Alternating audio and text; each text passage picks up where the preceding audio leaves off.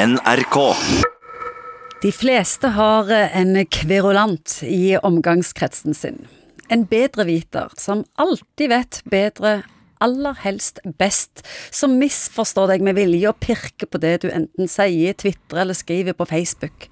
Og kanskje er det sånn at de faktisk vet best òg, men de har et utømmelig behov for å bevise akkurat det med sine små syrlige tilbakemeldinger eller arrogante kommentarer.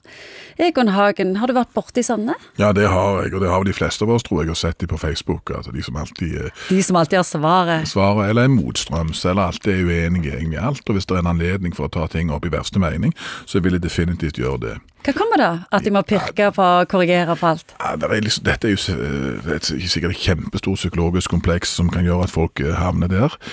Jeg synes noen av de jeg har sett som holder på å jobbe veldig mye for å framheve seg selv eller vise egen fortreffelighet, eller hvor eh, kulturelt oppegående eller intellektuelt oppegående de er. Jeg synes noen ganger det minner meg litt om eh, sånn underliggende sånne mindreverdighetskomplekser. Så- Lavt selvbilde? Ja, litt sånn noen ganger så får iallfall jeg sånne tanker. og At det er litt sånn innleggsåler og oppbygde hæler for å prøve å bli høyere og mørkere enn det du faktisk sjøl føler deg. Så de på en måte trenger å ha rett for å føle seg bra? Ja, det blir på en måte Vi ser bare fruktene av sånn et kjempende ego der, da, som prøver å, å blåse seg opp og være større og sterkere enn det de faktisk føler seg, kan du si.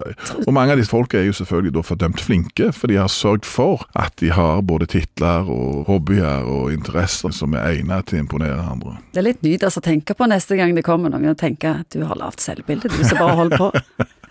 Ja, men, men det er jo sånn eh, ja, Og så er det jo noen da som etter hvert heldigvis forstår dette, og som greier å komme med noen sosiale uttrykk som er mer neddempa, og skjønner at du skal ikke alltid si det du har lyst til å si, og noen ganger skal du slippe til andre, og skrive feil, eksempel. Ja. Da tenker jeg deg noe mer irriterende på de sosiale medier, som, som irettesetter folk fordi at de ikke skriver skikkelig.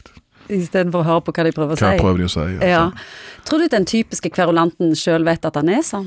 Ja, men noen er jo på en måte kommet dit hen at de faktisk ikke bryr seg om eh, altså Noen er blitt så fordømt flinke, kan du si, i det de holder på med, at de ikke tar sånn sosiale hensyn. Om ikke folk liker meg, så, så, så, så bryr jeg meg ikke om det, egentlig. Hvordan skal vi takle de da? Det som, det som sikkert skjer, er at eh, jeg vet ikke, jeg, folk får null likes eller to likes eller et eller annet sånt. Folk liksom indirekte signaliserer at eh, dette var ikke det helt store.